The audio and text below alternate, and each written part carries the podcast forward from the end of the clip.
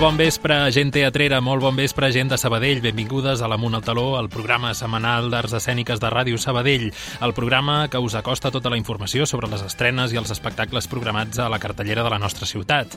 També us parlem, a més a més, de teatre musical, de la cartellera dels cinemes, de propostes teatrals barcelonines, molt recomanables.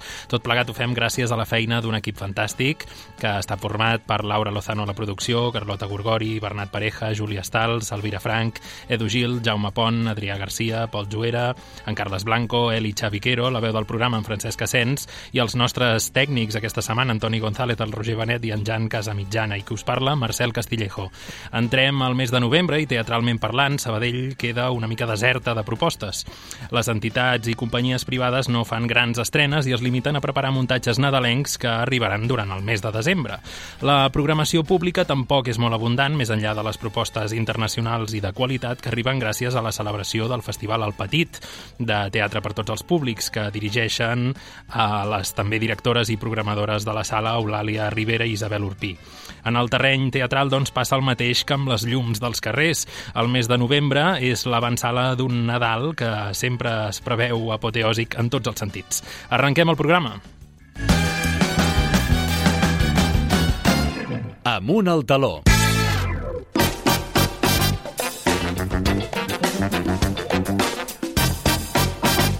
Repassem el menú del programa d'avui i farem una repassada a la cartellera teatral local amb la Júlia Stals, com sempre, a la platea indiscreta. Tindrem una conversa amb l'actor sabadellenc Marc Balaguer, que aquest dissabte serà a Calestruc amb el seu monòleg sobre l'èxit i el fracàs Jump, un projecte que neix com a treball de final de carrera de l'Institut del Teatre i que ha estat tot un exercici de depuració per a l'intèrpret, després de viure una infància i una adolescència marcada pels èxits televisius i cinematogràfics.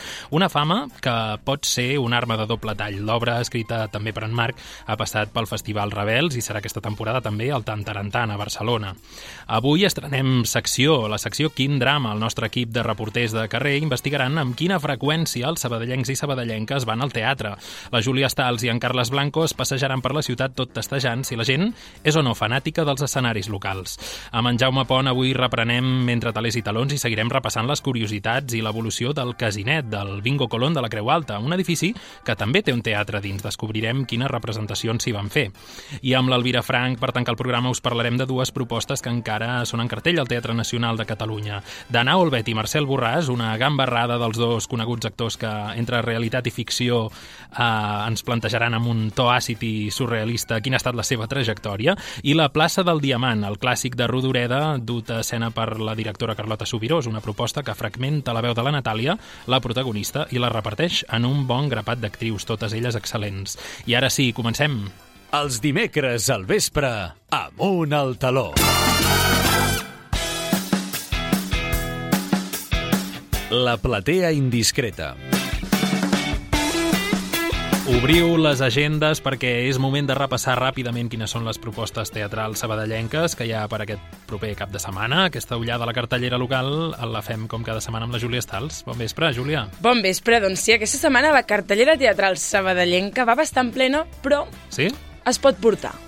Val. Un ritme que tampoc és frenètic. Podem anotar quatre coses i anar-les a veure totes. A veure. Comencem al Teatre Sant Vicenç, que segueix en cartell a Els Ascendents, dissabte a dos quarts de deu de la nit i diumenge a dos quarts de dotze del migdia i a les sis de la tarda. És a dir, aprofitem aquests dies. Uh -huh. La platea del Sant Vicenç es va omplint, vull dir que...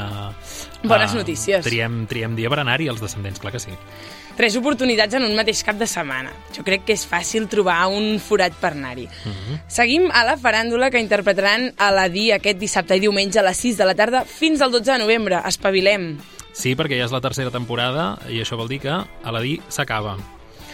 La companyia Tres Homes Grossos presenten la mostra de teatre breu amb Amazon divendres 3 a les 8 del vespre i Absurdòpates dissabte a les 8 del vespre. Molt bé. I alguna altra proposta? A l'Estruc representaran Jump aquest dissabte a les 8 del vespre, que avui podem escoltar una entrevista. Sí, molt interessant, per cert, amb el Marc Balaguer.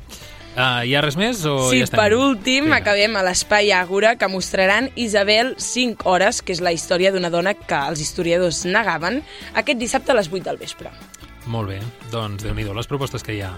Algun altre recordatori, Júlia? Sí, com sempre recordem que es pot trobar gran part de l'oferta cultural de la ciutat a l'aplicació Sincronitzats, disponible a iOS i Android i a la web de Sabell Cultura. Doncs seguirem sincronitzats. Gràcies, Júlia, per aquest repàs de propostes i continuem, com sempre, espiant què tenim a la cartellera sabadellenca. I Que tant, gràcies a vosaltres. Bona setmana.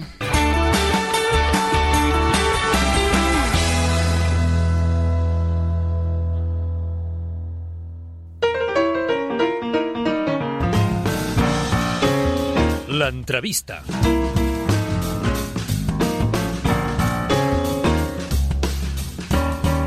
Un cop superat el Festival Sabadell Escena, la programació pública en espais i teatres municipals continua a Sabadell. A Cal Estruc, per exemple, arriba aquest cap de setmana, concretament el dissabte, dia 4 de novembre, a les 8 del vespre, l'espectacle Jump, una proposta de l'actor sabadellenc Marc Balaguer que segur que haureu vist a les pantalles. Es tracta d'un monòleg molt personal, molt íntim, eh, sobre l'èxit i el fracàs, sobre mirar cap al futur arxivant, si és que això és possible, un passat que ens ha deixat marca. Com gestionem emocionalment els moments d'eufòria absoluta quan triomfem i els grans fracassos o els moments en què tot ens va a la contra? En Marc Balaguer va aparèixer en diverses sèries de televisió i pel·lícules d'èxit quan era nen i adolescent i ara doncs, té la necessitat de parlar sobre aquesta fantasia momentània de l'èxit, sobre l'oblit i sobre la lluita aferrissada pels objectius personals que tots i totes ens fixem. Saludem via telefònica el creador i intèrpret d'aquest espectacle, de Jump, en Marc Balaguer. Gràcies per atendre'ns, Marc, què tal? Hola, bona tarda, què tal? Tenim moltes ganes que ens expliquis una mica més a fons de què parla el monòleg, però primer de tot explica'ns d'on neix, no? En quin moment et planteges que, que has de crear una peça de teatre, un espectacle, que parli de tot això, no? Eh, Quan sents aquesta necessitat? Mira, de fet, et diré que està una mica relacionat i és que surt la necessitat de... Jo estic acabant la carrera a l'Institut del Teatre, eh, al cinquè any, i et diuen, has de fer un TFG i pots fer i crear el que et doni la gana. Mhm. Clar, se'm dona i se m'otorga aquest espai i aquest temps per crear el que a mi em vingui de gust i al final penso "És que d'aquest puc parlar i la veig que l'única legitimitat que tinc per parlar d'alguna cosa és sobre mi mateix. No tinc com prou bagatge per poder fer un Shakespeare o per poder parlar d'algun autor del qual no en tinc suficient coneixement i surt la idea de, vale, doncs, m'ha passat tot el que m'ha passat, perquè no parlem de com arribo jo en aquest punt, després d'acabar la carrera, a pues, explicar la història de com he arribat aquí, ara mateix, a fer aquesta obra de teatre. Neix una mica d'això. I, efectivament, doncs, li dono voltes a l'èxit, al fracàs, ara acabo la carrera i ve uh, un forat negre de, vale, mm, la carrera, ara ve el món professional, un món professional en el qual jo porto ja anys treballant, i és com tot molt ambigu i molt dispers, i llavors és, va, anem a parlar sobre això, sobre aquesta, aquests dubtes, aquestes inseguretats, de com he arribat a tenir l'èxit, què és per mi l'èxit, eh, si he fracassat, com ho he viscut, una mica parlar de tot això. Uh -huh. Aquest projecte ja neix, ara ho explicaves, no? com a treball de final de carrera de l'Institut del Teatre. Um, de quina manera i, i amb qui et proposes treballar? Com va ser aquest procés de, de donar forma a l'espectacle no? i d'escriure'l també, perquè també ets autor del text, no? de la dramatúrgia. Correcte, correcte. Hi ha moltes parts del text que són meves i les altres són del director, que era el Jaume Vinyes, Uh -huh. Eh, és un bon director dramaturg que era company de, del gremi, diguem, i el coneixia i li vaig dir, escolta, vull fer això, et ve de gust dirigir-me? I s'hi va llançar de cap, li va agradar molt la proposta, les idees que jo tenia, evidentment ell me les va reestructurar molt més perquè és dramaturg, jo dic, mira, tinc les coses així escrites, m'agradaria parlar d'això, d'allò altre, com ho englobem tot això? I ell va fer com aquesta feina de, buah, tira per aquí.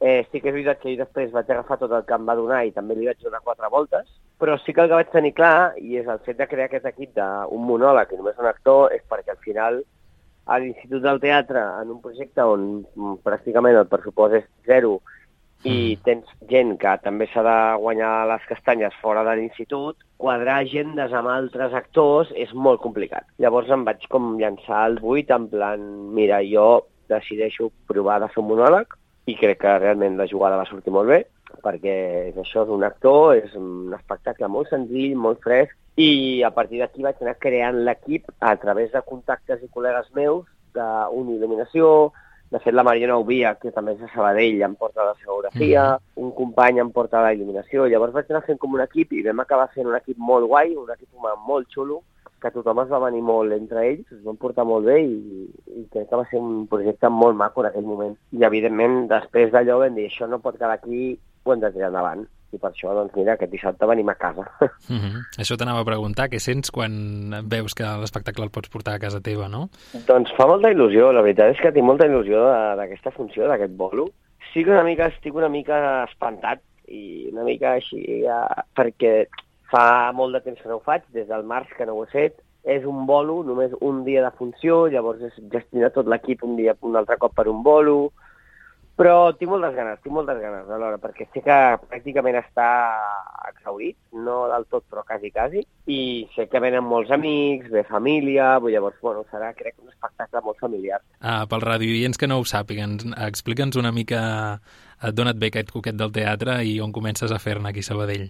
Home, només faltaria... Que jo ja ho, jo ja ho sé, però els oients no ho saben. No, jo començo a fer teatre al Teatre Sant Vicenç de Sabadell quan tenia 10 anys i de fet m'hi vaig estar doncs, d'alumne uns 8, crec que 8 o 9 i també de monitor un parell, vull dir, com jo sempre diré que, que surto del Sant Vicenç, vull dir que l'essència, jo em vaig començar a fer teatre i vaig perdre la vergonya, és el Sant Vicenç de Sabadell i per això també fa especial il·lusió fer aquest, aquest bolo Sabadell a l'Estruc, que és un lloc on he assajat i he fet taller de teatre molts dissabtes amb el Sant Vicenç. Vull dir, crec que hi ha una, una part de, de l'obra que té molta relació amb Sabadell.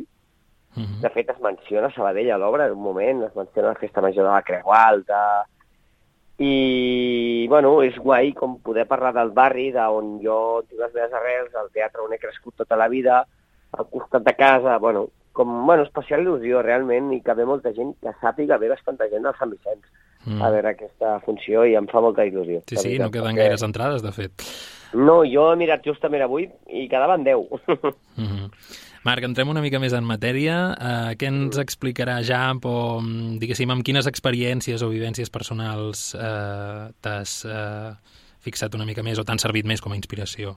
Jo parlo de diferents coses que marquen la meva vida. Evidentment, el moment de pulseres vermelles, tota la fama que comporta. Mhm. Tot i que no està molt tractat explícitament, sí que es menciona i al final crec que pràcticament aquí a Catalunya tothom més o menys sap el, el paper que va jugar aquesta sèrie, llavors es toca el tema sense ser molt explícit, però altres coses que han marcat la meva vida dins la carrera d'interpretació, previ, previ a la interpretació, de com era jo de petit, una mica de, eh, que he esmentat abans de com jo arribo durant tota la meva vida a fer aquesta, aquesta obra.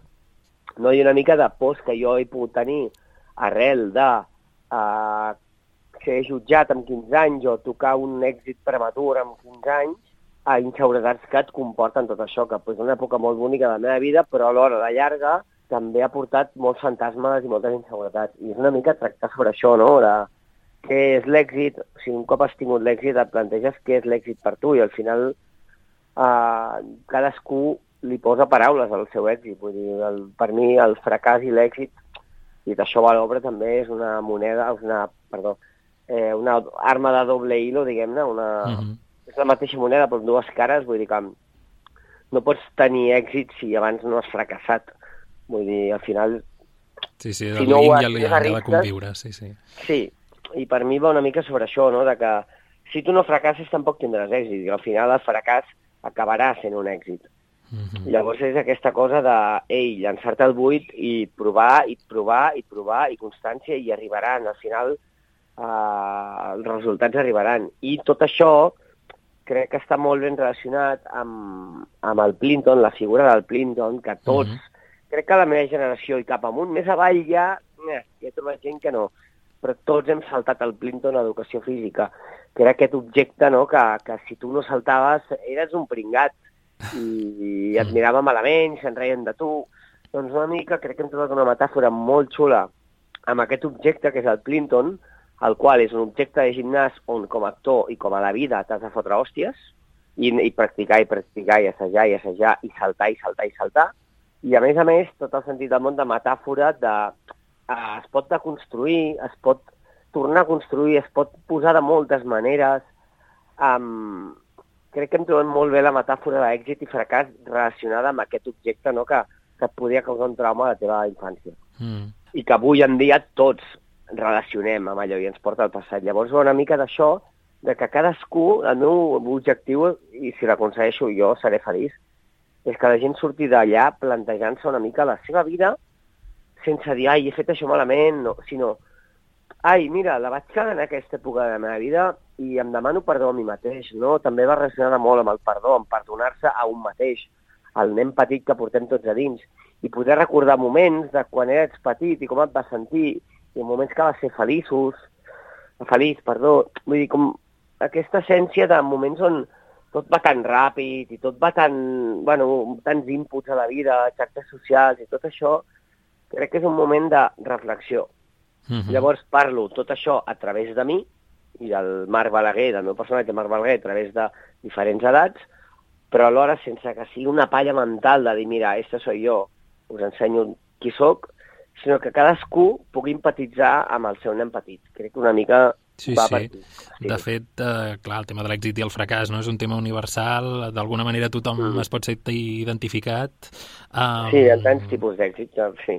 Clar, potser, potser com a societat no, no ho portem bé, no? Això de fracassar, de, de portar aquest dol de, del al fracàs. Crec que és una cosa molt generalitzada Uh -huh.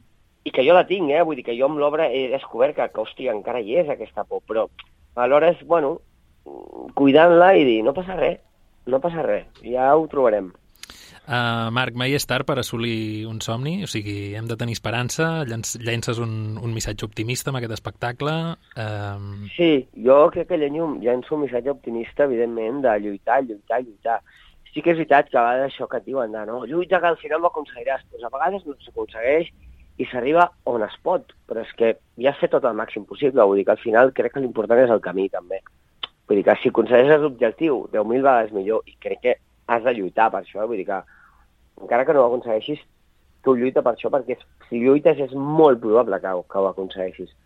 Llavors, Mhm. per mi és lluitar-ho i, i, bueno, això una mica, no? El que diu l'obra és saltar, saltar el buit. Uh, igual que, que les germanes Joana i Mireia Vilapuig, no? que fa poc estrenaven self-tape a Filmin, uh, tu, Marc, ens crees una proposta que parla d'aquest fenomen estrany també o curiós de les joguines trencades, no? de la, i també de la precarietat del, Correcte. del sector de les arts escèniques i, i audiovisual. correcte, correcte. no? Jo et volia preguntar Sí, si, fet- si l'espectacle sí, digues, també fa alguna denúncia o aprofita per fer crítica d'aquesta indústria, no? que noteu que de vegades potser no, no ajuda prou o no funciona prou bé o com a artistes quedeu una mica invisibilitzats, no? Sí, no sé si és tan explícit, però sí que hi ha una mica, des del meu punt de vista, i sense jutjar-ho, simplement de, exposo fets. I llavors sí que hi ha una mica de part de crítica, i no només a la indústria, sinó...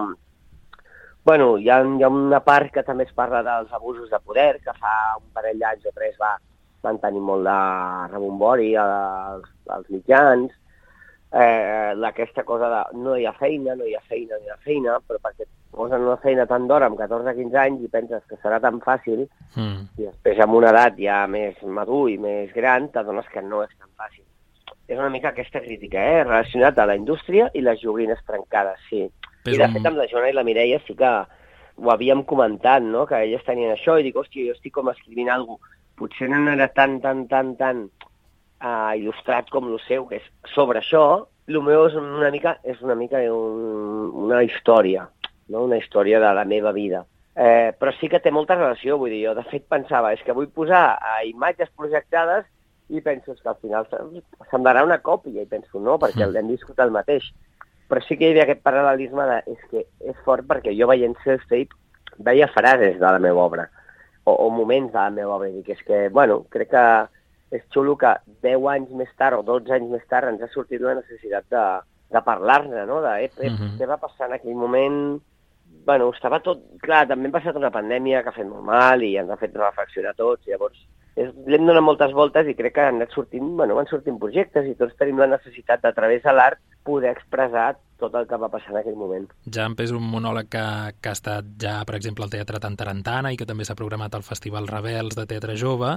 Explica'ns com, com ha estat la rebuda per aquests diferents llocs per on ha passat uh, l'espectacle i cap on el voldríeu dur o quin camí vols que segueixi Jamp. Mira, la idea, o sigui, bueno, el Tantarantana encara no estarem, però sí que estem programats de cara al febrer, estarem tres setmanes a Barcelona, Uh -huh. I després la idea és fer una gira per Catalunya, perquè és això, és una obra... Faig una crida aquí als programadors de Catalunya, És una obra barata, molt fàcil de moure, que crec que és eh, molt útil a, pel, pel públic jove, per portar gent jove al teatre, no? de que puguin empatitzar i vegin que, que no tot és tan fàcil ni tan bonic com es pinta i que, que s'ha de currar i s'ha de currar. Vull dir que crec que faig una crida aquí al públic jove també. Llavors la idea és donar-li aquest recorregut. Si més endavant, doncs, sales com el Valdà, la Gleva, la Sala Texas, l'Ost Villarroel, doncs també com està amb un peu allà dins, amb un, saps, està el lloro per dir, ei, un cop passat el Tantarantana, intentar donar-li més cabuda a sales petites, perquè crec que és una obra que, que sembla lleig que ho digui jo, però que té tirada i té futur. Uh -huh. Evidentment, amb canvis, volem fer canvis, perquè això, com he dit, és un projecte de final de curs que es queda allà, llavors és, eh, ara anem a fer-ho professional i s'han de fer canvis, però tinc ganes com de poder ensenyar això a... També perquè em vegin a mi, fent altres coses i fent teatre, un monòleg, que al final és un risc per mi també. I tant, un, o sigui, un repte gran. Moltes ganes, moltes ganes de moure-ho. Uh -huh. Darrerament t'hem pogut veure també a Bojos per Molière, en aquesta ficció de TV3, eh, precisament com a estudiant de l'Institut del Teatre. Uh, Correcte. No sé si has vist paral·lelismes també o algunes connexions amb, amb la sèrie. Amb, amb entre, Jan, sèrie, entre sèrie i espectacle, exacte. No, no, no, crec que no, eh? Perquè, o sigui, la sèrie al final sí que tractava temes de l'institut i tal, però com que era als anys 90, eh, no sé, el tema abusos sí que es tocava una mica, però molt poquet, però no, no, no hi ha hagut un, un paral·lelisme molt gran. Sí que a nivell de, vale, he estudiat l'Institut del Teatre, de fer la carrera d'interpretació, això sí, però no hi ha hagut un... Ha canviat tot tant en aquests 20 últims anys que, uh -huh. Que no, no ha sigut algo molt, molt concret. I ara mateix, Marc, et, et podem veure al Teatre Poliorama fent Romeu i Julieta. No sé on, on més et podem veure. Tens algun projecte audiovisual mm. o teatral damunt de la taula? Bueno, mira, el, seguir creant? El, el desembre, no sé si el 8 o el 13, un principi de desembre, la primera quinzena s'estrena una sèrie en la que participo de Movistar Plus, que uh -huh. Todos mienten, i és la segona temporada ja. La veritat és que molt content perquè és un, un repartiment espectacular, però, però de, de, de revista que dius, que és que jo no sé què feia ell al mig amb tota aquella gent, però Leos Baraglia, Ernesto Alterio, eh, Juan Diego Boto, Amaya Salamanca, és un repartiment espectacular. I això s'estrenarà al desembre, que també és, mira, allà en podem veure. I efectivament, Romeo i Julieta, que avui, just avui, fem l'última funció en públic normal, de que acabem matinals, i mm -hmm. ja estaré. Sí, sí, efectivament, aquest mes hem estat amb Romeo i Julieta. Molt content. Molt bé. Voldries seguir escrivint i interpretant alguna proposta teva? Uh, sí, sí. Sempre hi ha idees que passa que també costa molt. Aquesta cosa de fer un retiro i, i me'n vaig a la muntanya a escriure és real, a mi em funciona. Mm. Ja m'ho vaig escriure així mig confinat quan vaig agafar el Covid a Banyoles, i penso, hòstia, tinc ganes de marxar perquè idees en tinc moltes, moltes, moltes, moltes. Aquí ho deixo anar, Marcel, si un dia vols que escrivim. Vinga, confirmem que, que funcionen els retirs, però sense, sense sí. Covid, eh, si pot ser. Ah, bueno, exacte, no, ja, ja estava bé, ja, ja estava curat. O sigui. Tenia el Covid, però no tenia símptomes. Però sí que està molt bé marxar i poder posar coses sobre la taula i escriure, escriure, escriure, i després ja faràs la teia. Mm. Vull dir que idees sempre en tinc moltes, però mai m'acabo de posar-hi, mm. la veritat. Però doncs... sí, és una faceta que he descobert que, home, veure les teves paraules en escena és xulo, és xulo, la veritat. Doncs a veure si hi ha una següent proposta. Ho hem de deixar aquí. Marc. Recordeu, a Cal Estruc, dissabte, dia 4 de novembre, un monòleg veniu, veniu. sobre l'èxit i el fracàs, sobre aquesta fama que, que ens enganya, no? perquè és efímera molt sovint. Com podem navegar per aquesta muntanya russa de satisfacció i de decepció per on ens porta la vida? Ens hem de rendir, hem de perseguir sempre els somnis, veniu a descobrir-ho amb en Marc Balaguer. Moltes gràcies per atendre'ns, Marc, i molta merda per aquest bolo a Sabadell, a casa teva. Gràcies, i tant, allà estarem. Amunt al taló, a Ràdio Sabadell. Quin drama! Avui us presentem la nova secció de la temporada de l'Amunt al Taló que es diu Quin drama. És que Quin drama tractarà d'humor i ho farem amb Júlia Stals, jo mateixa, Carles Blanco, que el tenim aquí amb nosaltres. Hola, què tal, com esteu? I també ho faran el Pol Juera i l'Adrià Garcia, que avui no ens poden acompanyar, però que en altres programes eh, podreu notar la seva presència amb nosaltres. Expliquem als oients de què tractarà una mica aquesta secció, perquè, clar, serà un toc d'humor, però què volem descobrir, Carles? Bé, Júlia, com tu has dit, el toc d'humor no pot faltar mai, i més quan estem parlant de teatre. Sí, llavors nosaltres el que voldrem descobrir és si la gent de Sabadell està ben informada de l'actualitat teatral de Sabadell, si realment hi va, amb quina freqüència ho fa, i si veiem que algú doncs, doncs, és més expert o més expert en el teatre, aprofundirem en el tema i, veureu si, i veurem si realment ens està dient una mentida o és que és una bona persona que va veure el teatre a Sabadell. Tenim moltes ganes realment de saber si realment els sabadellencs van al teatre o és només un nínxol de persones. Ho descobrirem. Què creieu vosaltres? La gent freqüenta molt el teatre o es queda més aviat a casa? Avui, com hem dit, gravem el nostre primer capítol i en aquest primer capítol volem descobrir si la gent de Sabadell va al teatre, si trepitja els escenaris, si trepitja les platees i de quina manera ho fa, a quins teatres va, recomanacions que ens puguin donar i, sobretot, que ens diguin els seus propòsits per la nova temporada teatral que s'ha estrenat fa res, aquest setembre. Les setmanes següents parlarem d'altres temes, com podria ser, per exemple, la qüestió que sempre es parla al teatre, si realment és millor el teatre de musical o és millor el teatre de text? Què li agrada més a la gent? Ens trobem aquí al vell mig de Sabadell i ens trobem amb un jove d'aquí de la ciutat, oi? Com et dius? Ferran. Molt bé, Ferran, una pregunta. En quina freqüència vas tu al teatre? No gaire sovint. Ara fa molts anys que no vaig de fet al teatre. I ens sabries explicar o dir quina va ser l última obra que vas anar a veure? Els Pastorets, la faràndula. Sí, i l'any el saps? Uf, no, era molt petit, però no me'n recordo. No me'n recordo. I quin és el número d'obres que has vist en la teva vida? Si haguessis de posar un número, quin seria? Moltes, poques, pots dir també amb un percentatge? Mm, sis. Sis obres. déu nhi i les has vist aquí a Sabadell o vas a una altra ciutat? No, a Barcelona també. He vist algunes obres del Joan Pera i, bueno, i no me'n recordo dels altres actors, però sí, sí, sóc bastant fan del Joan Pera també. I ens has dit que has anat poquet al teatre i que fa temps que no el visites. Què t'agradaria que fessin al teatre d'obra perquè tu hi poguessis anar i et sentissis atret? Mm, bueno, m'agraden bastant els musicals i ja et dic, aniríem, o sigui, si tingués temps també aniria més, però sí, sí, sobretot musicals. musicals. Ferran, deixa'ns algun propòsit per aquest any. Què et planteges tu en aquesta nova temporada que arrenca la 23-24 als teatres sabadellencs? Intentaré anar per festes, per Nadal i potser, jo que sé, algun dia a l'estiu si tinc temps. Ara podem parlar amb el Vicenç. De primera mà ja ens ha dit que ell no va al teatre. Quan fa que no vas al teatre? Doncs uh, per Nadal farà 3 anys. Quina va ser l'última obra? Vaig anar als pastorets a la faràndula amb el meu fill. És un clàssic i no hi tornaràs aquest any? Sí, sí, possiblement aniré amb la meva filla, que ja té l'edat d'anar-hi, perquè de fet hi he anat perquè eh, quan era petit hi havia anat diverses vegades a veure el, els pastorets. Llavors crec que és una cosa que s'ha de fer amb els nens perquè val la pena. Teniu dos fills petits, no els porteu al teatre a veure obres infantils, per exemple, com els Tres Porquets? No, no, no, la veritat és que no, no sé si és perquè, primer, que no tenim massa interès mm, i ho reconec, però segon, perquè tampoc és que hagin vist massa publicitat o que ens hagi arribat informació al respecte, eh, sobretot a famílies que tenim nens petits, no? A banda de que creieu que no us ha arribat la suficient publicitat, penseu que és una bona manera d'educar els fills portant-los a veure ofertes culturals com el teatre, les titelles? Sí, sí, de fet, la, la nostra filla està fent un curs de teatre. Vull dir que els pares no donem massa exemple, però eh, sí que creiem que és una cosa que s'ha de potenciar. Aquest és l'exemple, no? Què han de fer les entitats de Sabadell perquè la gent vagi més al teatre? Home, doncs eh, fer servir diversos canals, eh, doncs des d'Instagram fins a Facebook, fins a diaris, premsa, a ràdio, intentar publicitar una mica més, fer, entenc que també una mica de, de descomptes a famílies, perquè bueno, eh, sé que el teatre de grans obres és, és bastant car, estic parlant de grans obres, llavors eh, bueno, jo crec que la gent hi aniria més si aquestes coses es fessin així.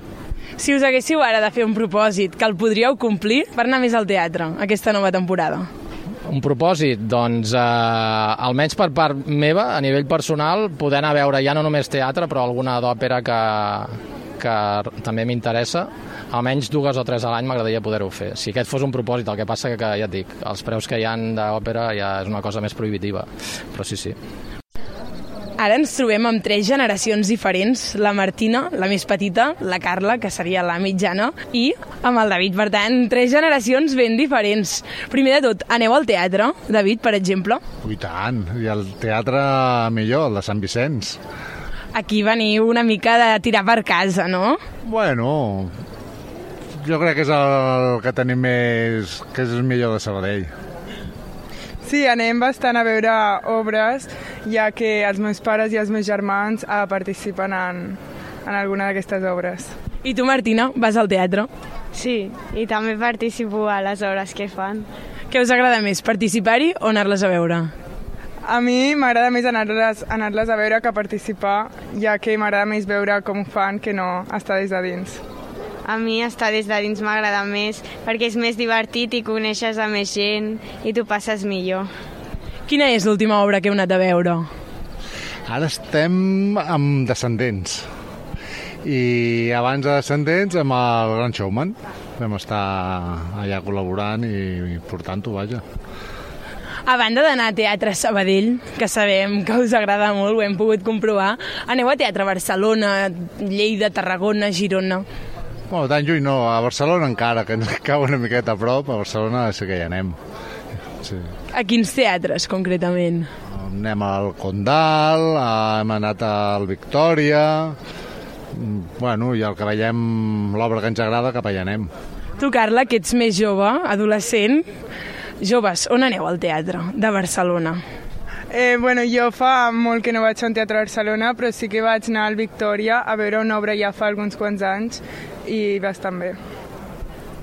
Què diries a la gent de la teva edat perquè vagi a veure el teatre? Perquè imagino que també tu ets una rara avis dins del teu entorn, per exemple, escolar, no?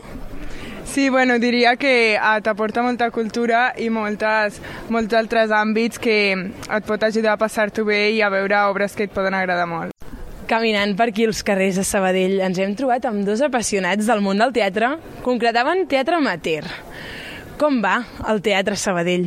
El Teatre Sabadell jo crec que té moltes uh, derivades, que vol dir que hi ha molta gent que s'hi dedica, fent teatre de text, musical, dansa... Crec que hi ha molt talent i molta gent, no? Sí, a més, a Sabadell... Uh hi ha, és com un bressol no? de molts actors, de moltes actrius, de fins i tot grans músics que, que, bueno, que estan puguem viure de la seva passió. El que passa que aquí a Sabadell pues, eh, ja sabem què és el que hi ha, no? que hi ha coses, però que és una ciutat amb molt potencial i una ciutat amb 200, quasi 40.000, no? Ja, d'habitants. 220.000. 220.000 clar, que hauria de tenir una miqueta més de, de crec jo, de, de programació, de, de, que hi hagués més, una miqueta més de moviment.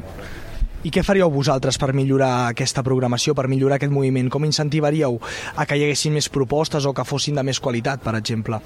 Home, passa també per la, una miqueta l'educació, per, uh, per veure la dificultat que hi ha al darrere d'una proposta, les hores, els assajos, els esforços i tal, perquè valorant això, després segur que trobes una entrada bé de preu moltes vegades passa que la gent diu sí, és que és molt car i tal. Home, eh, car no és. El que passa és que no hi ha costum, no?, si vols. Si hi ha costum i si hi ha coneixement del que costen les coses, perquè després hi ha més o menys oferta i, i augmentar l'oferta també, com deia l'Òscar, no? Sí.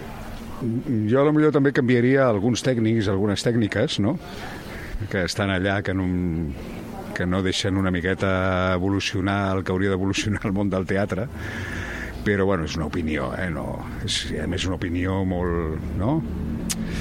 Eh, molt meva. Nosaltres aquí la secció Quin drama, que és aquesta secció que estem estrenant just avui, partim de, de la tesi de els sabadellencs van al teatre, sí o no, ho volem descobrir. Vosaltres potser pertanyeu a un grup, doncs, bàsicament que van molt al teatre. Sí. Penseu que la gent va al teatre realment? Home, teniu raó, la gent que va al teatre va molt però aquesta no ens ha de preocupar, ens ha de preocupar la gent que no, que no va, però no perquè, si no vols anar no vas, no, no t'agrada, pot no agradar-te el teatre, eh? però el, el que no, el que hauríem de una mica interessar-nos és per la gent que, ostres, que disfrutaria molt d'anar al teatre i no sap per què, però no ho fa. Eh, Aquest és potser el, el públic potencial. Creieu que per part dels teatres de Sabadell s'hauria d'incentivar que la gent anés al teatre? Què creieu que li falta als teatres de Sabadell per fer que per apropar-se a la gent i fer que aquesta gent, aquest públic potencial que potser no hi va, hi pugui arribar? Jo no crec que sigui qüestió dels teatres, perquè com pots fer mm, que sigui més... Um, um, no sé, que sigui més... Uh, que t'agradi més allò... Jo crec que és un, una qüestió d'educació, com deia l'Enric. És, no, és, no és qüestió dels teatres, jo crec que és un, més una qüestió d'educació. De, Sí. No? I també temes mm, molt, con, també contemporanis, això és la programació, i en musicals doncs, que puguis menjar crispetes, per exemple, o fotre't un whisky. Això passa a Londres i te'n vas a veure un musical i pots menjar, fotre't un, una copa allà dins del teatre i tot. I hi ha certes coses de, que estan encursetades una mica i que, doncs, o sortir al carrer, fer algun, els festivals de carrer, doncs també són... Nosaltres eh, teníem una empresa de teatre i vam estar a Tàrrega i, clar, el, el, allà el teatre al carrer és un gran reclam, no? És molt popular i les coses populars eh, atrauen a la gent que potser no tenia previst veure-ho. Quins propòsits us feu per aquesta nova temporada teatral? Doncs potser anar més al teatre. sí, sí, jo per qüestions de feina eh, hi vaig poc, però també com l'Enric m'agradaria doncs, anar una, una miqueta més al teatre. Fins aquí aquest primer capítol d'aquesta secció Quin drama, i és que quin drama perquè hi ha molt tipus de persones en aquesta ciutat de Sabadell, però bé, d'això es tracta, cadascú és diferent i podem descobrir que hi ha moltes persones que van al teatre i que també que no hi van. Oi que sí, Carles? I tant, Júlia, la ciutat de Sabadell és rica amb tot, però amb el tema del teatre també hi ha d'haver gustos per tothom i gent que li agrada més un tipus de teatre, gent que no consumeix tant aquest art, però en aquest cas hem trobat gent que realment s'ha plantejat propòsits molt positius a l'hora d'anar al teatre i esperem que els compleixin i que així omplin les platees a tots els teatres sabadellencs aquesta temporada. Ens ha agradat descobrir aquestes diferents, diferents particularitats i les seguirem descobrint.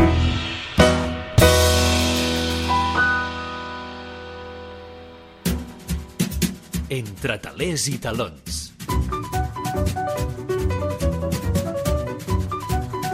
Moment de parlar de curiositats històriques del teatre local, de rememorar quins espais de Sabadell han estat espais de teatre en el passat. Per això ens visita l'estudi en Jaume Pont, que avui ens seguirà parlant del Casinet, no? Exactament, si no efectivament. Bon vespre, Marcel, bon, bon vespre, vespre, oients, què tal? Doncs sí, continuem repassant la història del Teatre Sabadell i seguim parlant actualment d'aquest teatre amagat, d'una sala de teatre que està camuflada, però que durant molts anys va ser un equipament important de teatre de la nostra ciutat. Continuem... Eh, Situem-nos, barri de la Creu Alta, eh? Exacte, barri de la Creu Alta, Avinguda 11 de setembre. 11 de setembre. Um, aquesta façana magnífica, modernista, protegida, i tot el que hi ha al darrere d'això doncs és el, és el, actualment eh, és la Societat Coral Colón i a més a més també actualment és un bingo. Val? I ara explicarem aquesta... Ens vam acabar... Aquesta evolució. Eh, exacte, vam acabar la, el, uh, l'últim programa vam estar parlant de com, com s'havia anat creant la, la societat uh, Coral Colón uh -huh. i com una de les seccions importants d'aquesta societat era el grup, un grup de teatre amateur, com aquesta societat va comprar, adquirir el solar de l'Avinguda 11 de setembre l'any 1905, com va construir aquest edifici i va construir dintre del que era el cafè un enterimat per poder fer teatre i també a la part del darrere, el, el jardí, també van construir un, un enterimat per poder-hi fer teatre amb la idea aquesta que es tenia doncs, de, dels campos, per exemple, de combinar aquest espai de teatre i, eh, i aquest espai de jardí I o d'espai sí, obert. d'esbarjo i de... Exacte. I, i, i, I recordem també que vam parlar de les obres que havien representat, que eren d'autors catalans contemporanis, com eren Guimarà, o sigui, obres de, de, de Guimarà, de Rossinyol, de Pitarra, d'Ignasi Iglesias, d'Adrià Gual, eh, la, una passió que vam estar explicant doncs, sobre la passió, com, com amb la il·lusió i les ganes que s'hi van volcar doncs, aquest grup de teatre amateur per tirar endavant aquesta passió i també eh, s'ha de dir que el Casinet no només en aquesta època prèvia a la construcció del teatre en si, sinó després, al llarg de tota la seva història, i més en un dia com avui, que és, és, és rellevant, va ser, ha sigut un dels, un, un dels espais on s'ha representat més vegades el Don Juan Tenorio, que recordem que avui, que som un dia 1 de novembre, tots sants, doncs mm -hmm. era, era la, una representació típica de, de, de representar el, el Don Juan Tenorio. I el, re, el rècord Guinness, eh, el Casinet. Sí, el Casinet he estat veient que, que de, tot, de tot Sabadell els llocs on més s'ha representat és en el, va ser en el Casinet. És curiós, però és un dels espais que, que més va representar. Recordem que el Don Juan Tenorio té aquesta part, la segona part de l'obra, que se centra en un cementiri i que, i que per això es relaciona doncs, en aquesta època i es, i es, i es representa doncs, per, per tots sants, que és aquesta, eh, el moment aquest doncs, de visitar els cementiris i de recordar els morts. Uh -huh. Però bé, continuem amb la, amb la història. Eh, hem de dir que el 1923 eh, es, va, es va decidir construir ja definitivament una sala de teatre amb, totes les, amb tots els ets i uts per, a la part on hi havia el jardí i per tant acabant d'ocupar tot l'espai de, de, del solar i que és el que li donaria la configuració actual de, de l'edifici. Aquesta obra va ser, eh, va ser dissenyada i dirigida per l'arquitecte Domènec Verdaguer. Segons el, la premsa del moment tenia una capacitat de 1.500 persones, per tant un teatre també gran. Eh, tenia la platea, un pis eh, amb tot de llotges que estaven al voltant de, de la platea, era una, era una platea allargada, no tenia una forma de ferradura com altres teatres, sinó que era una platea tota allargada, i l'actuació in inaugural va ser una sarsuela, una sarsuela, La Tempestat, eh, a càrrec d'una companyia de teatre professional d'Emili Garcia. Um, però com ja estava passant en, en altres teatres que ho hem estat parlant, uh, aquell moment també, als anys 20, ja des de fet des dels anys 10, ja uh, es va començar a introduir el cinema. I juntament, o sigui, aquest, aquest edifici, aquest, aquest moment que es va construir la sala de teatre ja es va adquirir també el que seria un projector de cinema que, segons lluïen els de la Societat Coral, Coral Colón, era eh, la mateixa màquina que tenien al Coliseu de Barcelona. Per tant, uh -huh. era un projector de cinema important i, per tant, s'havia d'explotar també aquest projector. Llavors, sí. això el que va provocar és que es anessin reduint les actuacions de teatre i es anessin combinant eh, teatre i cinema. I, de fet, s'ha de dir que la, la, la, el grup de teatre amateur que havia tingut la Societat Coral Colón, doncs la veritat és que va deixar de fer eh, pràcticament representacions. Per què? Per diversos motius. Per una banda, perquè la la, el nou escenari tenia un, es, un, un tamany tan gran que a l'hora de construir els decorats doncs, tenien dificultats per, per, per, per col·locar-los en aquest escenari tan gran, i també perquè recordem que érem el 1900, o sigui, es va construir el, el, aquest, aquest nou teatre es va construir el 1923 i que al setembre de 1923 23, eh, es va eh, instaurar la dictadura de Primo de Rivera. Val? Per tant, aquest teatre va arribar amb la dictadura i la dictadura va començar una persecució de tot el que era teatre en català. I justament l'especialitat d'aquest grup, grup de teatre amateur era el teatre en català, d'autors catalans. I per tant, doncs, els hi va com tallar una mica tot el que era el, el, el sí. seu repertori. D'espais d'aquests que es converteixen en cinemes més endavant, ja n'hem vist uns quants, sí. potser tres o quatre, sí, sí, sí. en Però, aquesta fet, secció. És més, eh, el Casinet anirà més enllà de tot això. No, no es quedarà només amb, amb teatre, i ara ho anirem veient, perquè amb, amb cinema i anirem veient perquè evolucionarà una mica més, un grau més. I hem dit que la, la, la fita és el bingo. Per arribar fins al bingo hi ha tot un procés d'activitats sí. que aniran passant per aquell espai. Però, per tant, hi ha, hi, ha, hi ha un moment que el teatre, no només el casinet, sinó diferents espais, eh, sí. baixa una mica, diguéssim, l'oferta, no? Exacte, la producció teatral, exacte. i s'ha de tenir a favor, en compte que, en favor del cinema. No? que el cinema era, era més, més fàcil, perquè era doncs, aconseguir només el, la cinta, era aconseguir el que eren els rotllos i, i, i era més fàcil en aquest sentit que el teatre, que tenia molta més, molta més dificultat. I, i hem de dir que aquí en el Casinet doncs, el, el, aquesta companyia amateur va anar, va anar reduint la seva activitat uh -huh. a favor de, del cinema i sí que és veritat que el teatre se'n va continuar fent però durant aquests anys 20 a, tra a través de la companyia Pubill que també companyia Pubill també és un d'aquests noms que eh, com, a, com a teatre sabadellenc ens ha d'anar sonant perquè és una d'aquestes grans companyies eh, de, de, és un teatre professional però amb, amb una part amateur que un dia en parlarem d'aquestes companyies ex, ex, exclusivament només d'aquestes uh -huh. Hem, cal dir que eh, hi ha un, una, una cosa curiosa que va passar doncs, amb, amb motiu del fet aquest de la dictadura i aquesta persecució del català, i és que com també el, el 1924 eh, a raó d'aquesta repressió, es va tancar l'Acadèmia Catòlica. L'Acadèmia Catòlica tenia un grup de teatre molt potent, que també un dia en parlarem, si, si, si arribem, tenia un grup de teatre molt potent que feia teatre sobretot de tipus infantil, de, de tipus familiar, i una de les representacions estrella d'aquest grup de l'Acadèmia Catòlica era els Pastorets, i els Pastorets de, feien la versió d'en de, de, Folqui Torres. I, I un dels, dels seus dels directors de, de, de l'Acadèmia Catòlica era el Esteve Trullàs. Doncs, eh, esclar, eh, ens trobem que eh, amb el tancament de, de, de l'Acadèmia Catòlica, Sabadell es quedava sense eh, pastorets, perquè s'ha de dir que l'Acadèmia Catòlica era el grup que tenia més popularitat i que tenia més... Eh, o, o, bueno, que, que feia les representacions de, dels pastorets. Mm -hmm. I s'ha de dir que vull llegir aquí una, un fragment del diari de Sabadell de, de l'època, que recordem que aquests anys 20 el diari de Sabadell estava liderat per, per, per la colla de Sabadell, amb en Joan Oliver, en Francesc Trabal, l'Armand Ubiols, uh mhm. -huh. i que eh, van parlar justament de, de, de, del casinet, i van parlar dels pastorets i el casinet. I deixem que ho llegeixi perquè penso Carai. que és interessant. A veure... Um, això és el diari de Sabadell, que es va publicar el 10 de gener amb un extens article d'un tal Patam Patam, i aquests sobrenoms així, com senyor Banyeta, Patam Patam, sí. eren propis de, de... Segur que era algú de, de la colla de, la de Sabadell colla, no? que firmava sí. amb aquesta mena de pseudònim. I el títol era de l'article era Els pastorets al casinet. I diu el següent. Feia dies que volíem parlar d'aquestes representacions populars dels, tradici dels tradicionals pastorets que tant d'èxit han obtingut al casinet de la Creu Alta. Recordem que era el 10 de gener de 1925, per tant, els pastorets s'estaven representant al casinet des de, des de Nadal del 24. Eh? Uh -huh. um, el casinet de... Però esperàvem una ocasió en la que ara, com la que ara se'ns ha presentat, de parlar amb el director de la companyia, el nostre distingit amic Esteve Trullàs, que ens ha ofert un, algunes impressions que creiem interessants de donar que creiem interessants de donar a conèixer. Enguany sí que no em veia parla uh, l'Esteve Trullàs, eh? Enguany sí que no em, veia, no em creia jo poder fer els pastorets. Amb l'Acadèmia Catòlica clausurada, veia ben bé que passaríem un Nadal com un dinar sense postres. Els companys estaven com jo, frisosos, amb l'enyorança al cor de quedar enguany sense representar els pastorets. Trobàvem a faltar aquells crits de joia de la mainada celebrant els acudits d'en Lluquet i d'en Rovelló. Un dia, prenent un cafè a redós d'una taula, un dels companys em diu «Home, Trullàs, i si anéssim en el casinet?» Voleu dir? Vaig contestar. Mireu que allí no és el teatre que actuàvem abans per fer-los. O sigui, no, és, vull que destacar això, no és el teatre que actuàvem abans per fer-los, perquè ja veien el teatre de l'Acadèmia Catòlica era un teatre petit i, en canvi, el teatre del Casinet, que era un teatre que s'acabava de construir, era, era un teatre molt gran i, per tant, ells ho veien. I, a més a més, hi ha un altre punt important, també. I, i allí hi tenim de posar, o sigui, hem de posar en els pastorets tot el que n'havíem tret.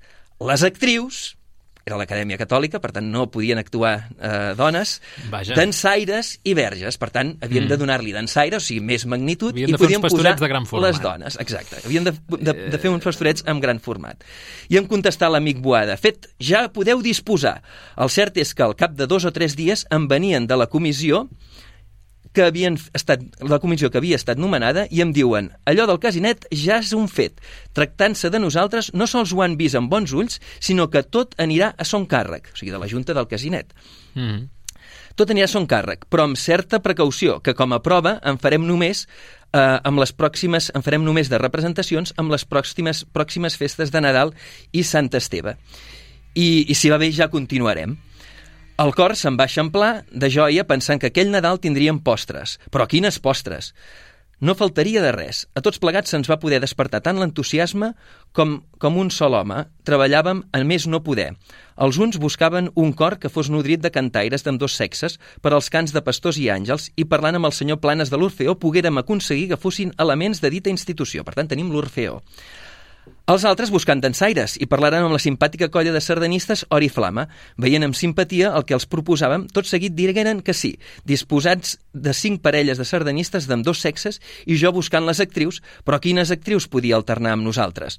Jo que sóc amic de les coses de casa no vaig titubejar gens i vaig voler que fossin nostres. Vaig parlar amb la simpàtica actriu Na Florinda Bruguera, sabadellenca, pel paper d'Isabeló, etc etc etc. En definitiva, que van aconseguir... Es van doncs, recuperar exacte, van recuperar actrius les actrius femenines se'n van anar al casinet, van fer les dues representacions el dia de Nadal i Sant Esteve i just acabava venir el senyor Marinello, que era un fabricant de la, de la zona, un fabricant de la Creu Alta mm -hmm. i que formava part de la Junta del Casinet i els hi va dir que ja estaven contractats per les properes representacions i així les van fer fins al dia 28 de, no, 20, el dia 18 de gener del, del 1925. 25. Val? Per tant, els, els pastorets d'en Folk i Torres sobreviuen a tota aquesta època de, no? de dictadura Exactament. i de persecució del teatre Exactament. català, que també és interessant. Exactament. Però bé, el proper dia continuarem, perquè veig que se'ns acaba el temps, Sí. el proper dia continuarem amb més peripècies d'aquestes del casinet eh, i sobretot aquest enfrontament amb, la, amb el que és la dictadura i la, la repressió que va, va, va suposar doncs, una dictadura en contra de la llengua catalana i en contra del catalanisme. I, del un teatre dia en català. ens has de venir a fer un especial, Jaume, de pastorets sabadellencs. Diferents Sí, pastorets. Però això sí, seria sí. una secció potser molt Això és llarga, un... eh? Sí, sí, sí, perquè ja en... van sortint per diferents llocs, sí, sí, però... Però bé, sí, sí que és Doncs- veritat que gràcies al casinet doncs va poder mantenir-se els pastorets a, a Sabadell. Mm -hmm. Doncs Jaume, gràcies per ajudar-nos a recuperar la història del, del casinet i ens veiem a la propera. Ens veiem a la propera perquè encara hem d'arribar al, al, al bingo i encara ens falta una mica de camí. A la meta, que és el bingo. Doncs bon vespre, vagi bé. Bon vespre, a reveure, gràcies. Amunt al taló, al teatre de la ciutat, a la ràdio. Amunt al taló. Teatre de Franc. Arribem al tram final del programa i és moment de Teatre de Franc amb la nostra col·laboradora més teatrera que segueix i analitza amb devoció les novetats de la cartellera de la capital, Elvira Franc. Avui ens quedarem al Teatre Nacional de Catalunya, Sala Gran i Sala Petita, i comentarem dues propostes impactants, eh? una de, de molt passada voltes, amb humor absurd, i una de més emotiva. I tant. No, Elvira, què tal? Sí, Bon vespre. Doncs bé, molt bé, molt bé. Uh, comencem per la sala petita, anem de petits a grans. D'acord. Doncs anem a la sala petita, que uh, parlaré de Nau Albert i Marcel Borràs. No cal presentacions. El títol ho diu tot. Eh? Uh, fa 15 anys, quan el Nau i el Marcel eren pràcticament adolescents, van començar un camí professional i d'amistat força captivador. Diuen que es van plantar, literalment plantar, al Teatre Lliure, quan era el director l'Àlex Rigola, i li van presentar una obra escrita per ells. Eren xavalets de, de, de 14 i 15 anys, eh? Així va començar la seva carrera i relació afectiva. Ara, a l'obra que presenten, anuncia que se separen. Com totes les parelles, hi ha moments difícils, moments d'amor i desamor, i d'altres on l'ego personal passa per sobre tot sentiment. I aquest, aquest és el cas. Això és el que plantegen aquest parell d'enfants terribles eh, en la seva obra. Una funció plena d'ironia, amb moments còmics i inversemblants, sent força gambarrets, com sempre. Parlen de les enveges i l'individualisme que ara els impera. Les escenes que se'ns presenten es basen en la naturalitat, no en l'exageració, no hi ha ni crits sobrepassats, i tot el que passa a l'escenari veu de la realitat. I fa dubtar si realment aquesta serà la seva última funció, tal com diuen, o si continuaran tan amics com abans. Ells, sols a l'escenari, presenten amb un ritme frenètic un grapat de records i de vivències que potser són veritat o no, però que les fan creure. Es fan retrets, es brallen, fins i tot es disparen trets amb unes pistoles. Parlen les de les seves parelles, de la filla d'en Borràs, inclús, en un moment donat, surten en escena la mare real del Nao i el pare de veritat del Marcel. Per Mhm. tant, no se sap on comença o acaba la ficció. I és una de les gràcies de... Era una de les gràcies, no De- saber si és real o no. Exacte. Uh, ens ensenyen com pot ser el seu retrobament d'aquí uns anys, d'uns 25 o 30 anys, o com po- poden acabar la seva trajectòria de vida. Els acompanyen un grup d'actrius i actors que diuen que són els seus alumnes. Aquests fan diverses mm, coreografies molt originals. En una pantalla van comparar les seves bralles amb disputes de personalitats conegudes. Volen establir que si aquells ho van fer, perquè no ho poden fer també ara ells.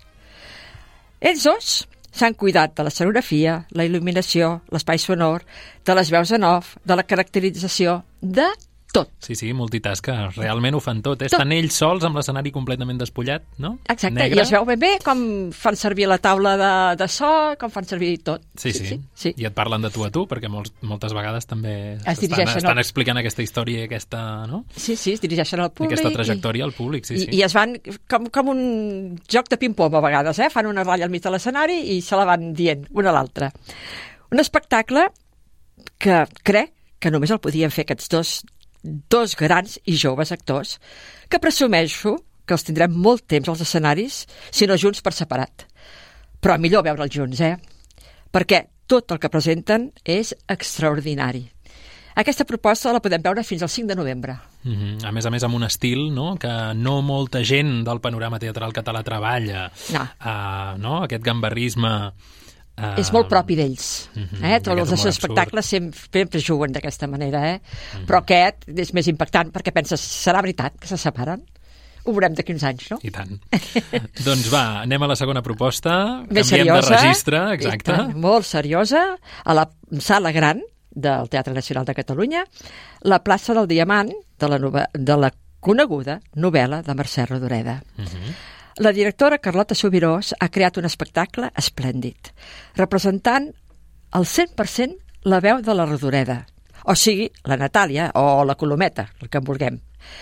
Seguint el relat narratiu, repartint cada frase entre 11 veus, 11 actrius de diferents edats que es fonen en una sola, o una veu que mostra totes les Natàlies que van passar la Guerra Civil Espanyola. Potser poden ser les nostres àvies o pels més joves, les seves besàvies, però en totes les famílies hi va haver una dona que va viure i explicar la guerra, la guerra nostra, la guerra civil. Un gran escenari completament blanc, només un piano al fons, l'escenari del, del Teatre Nacional és el més gran, actualment el més gran que hi ha a Catalunya i quasi bé a Espanya. Mm -hmm. Està tot obert i a poc a poc van sortint les actrius, amb vestits foscos, menys una que va tota blanca, la Colometa, eh, que representa la Colometa, que balla i es mou sense parar.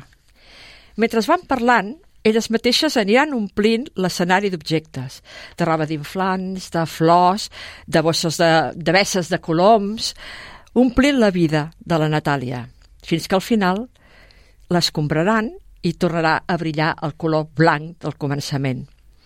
La música de fons és en directe. L'acompanyarà sempre a les extraordinàries actrius.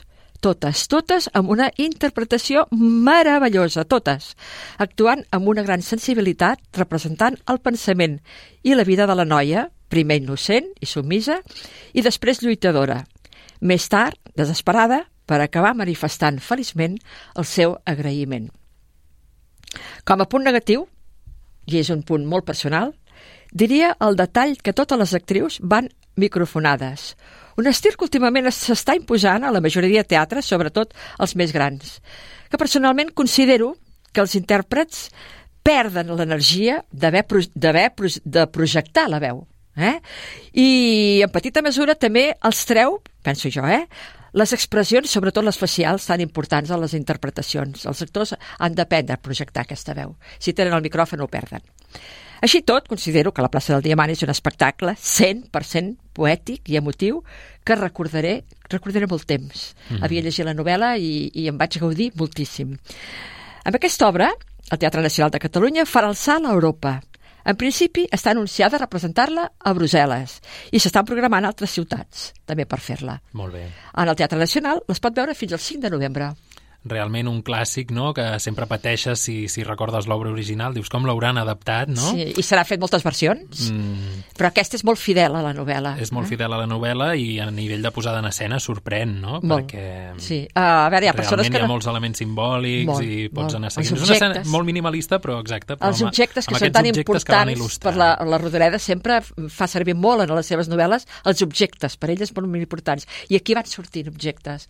I penso que... que records d'aquesta Natàlia, que tu ja molt bé ho has dit, no? que és, podria ser doncs, les nostres mares, les nostres àvies, les nostres tietes, I tant. totes aquestes generacions de dones que no han tingut veu, no? que han estat silenciades durant molt de temps Sí. i que posar aquesta veu de manifest i no? reivindicar-la, doncs... Sí. Silenciades eh, al gran públic, però a les cases, les que explicaven les guerres eren les dones. Eh? A les cases, un cop acabada la guerra, era més la dona que l'home que explicava la guerra. I en aquest cas, doncs, bueno, el cas de la Colometa, aquesta novel·la, doncs, ressalta molt bé. Molt bé, doncs, eh, Elvira, moltes gràcies per aquests dos comentaris d'avui. Al proper programa seguirem comentant espectacles programats a, a les sales barcelonines. A vosaltres. I aquí tanquem també l'Amunt al Taló d'avui. Us recordem que podeu recuperar tots els nostres programes a Spotify. Només cal que busqueu Amunt al Taló al cercador i trobareu el nostre podcast. I rescateu també aquest programa i tots els altres, eh, ja ho sabeu, al web de Ràdio Sabadell, a la carta. Molt bona nit.